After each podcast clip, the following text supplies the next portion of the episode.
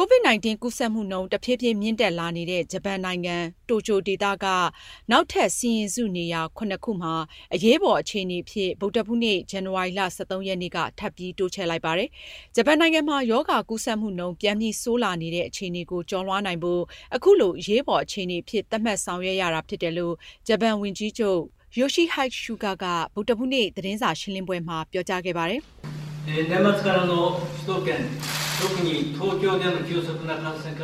တိုကျိုနဲ့စီရင်စုသုံးခုအပြင်အခြားဒေသတွေမှာအခြေအနေတွေဆိုးရနေစေဖြစ်ပါတယ်။လူတိုင်းစိုးရိမ်နေကြမယ်လို့ကျွန်တော်ယုံကြည်ပါတယ်။ဒါပေမဲ့ခက်ခဲတဲ့အခြေအနေတွေကိုကျော်လွှားနိုင်ဖို့အခုလိုအရေးပေါ်အခြေအနေတိုးချဲ့ဖို့လိုအပ်နေတယ်ဆိုတာကိုနားလည်ပေးကြပါလို့သူကပြောသွားတာပါ။အိုဆာကာ ကျိုတိုနဲ့အခြားအကြီးအကျယ်ကူးစက်မှုခံနေရတဲ့စီရင်စုနေရာတွေက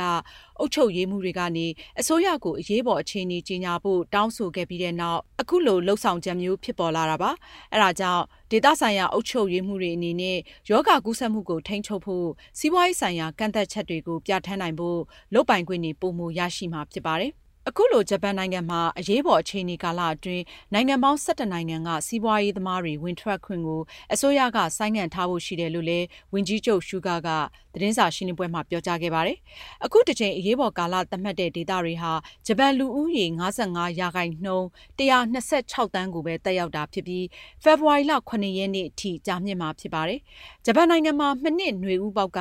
ရောဂါကူးစက်မှုနှုန်းများတဲ့အချိန် ကန့်သတ်ချက်က ဒီထက်မက ကြီးမားခဲ့တာပါ။အခုတစ်ခေါက်တော့လူတွေကိုနေအိမ်မှာပဲနေကြဖို့တိုက်တွန်းတဲ့အနေနဲ့စားတောက်ဆိုင်တွေဘားတွေမှာကူးစက်မှုကိုထိန်းချုပ်ဖို့အာယုံစိုက်လှုံ့ဆော်နေတာဖြစ်ပါတယ်။လက်ရှိဂျပန်နိုင်ငံမှာဗုဒ္ဓဖူးနေ့အထိကိုဗစ်ရောဂါကူးစက်ခံရသူပေါင်း3သိန်းကျော်ရှိနေပြီးသေဆုံးသူပေါင်း4000ကျော်ရှိနေကြောင်း NHK သတင်းဌာနကထုတ်ပြန်ထားပါတယ်ရှင်။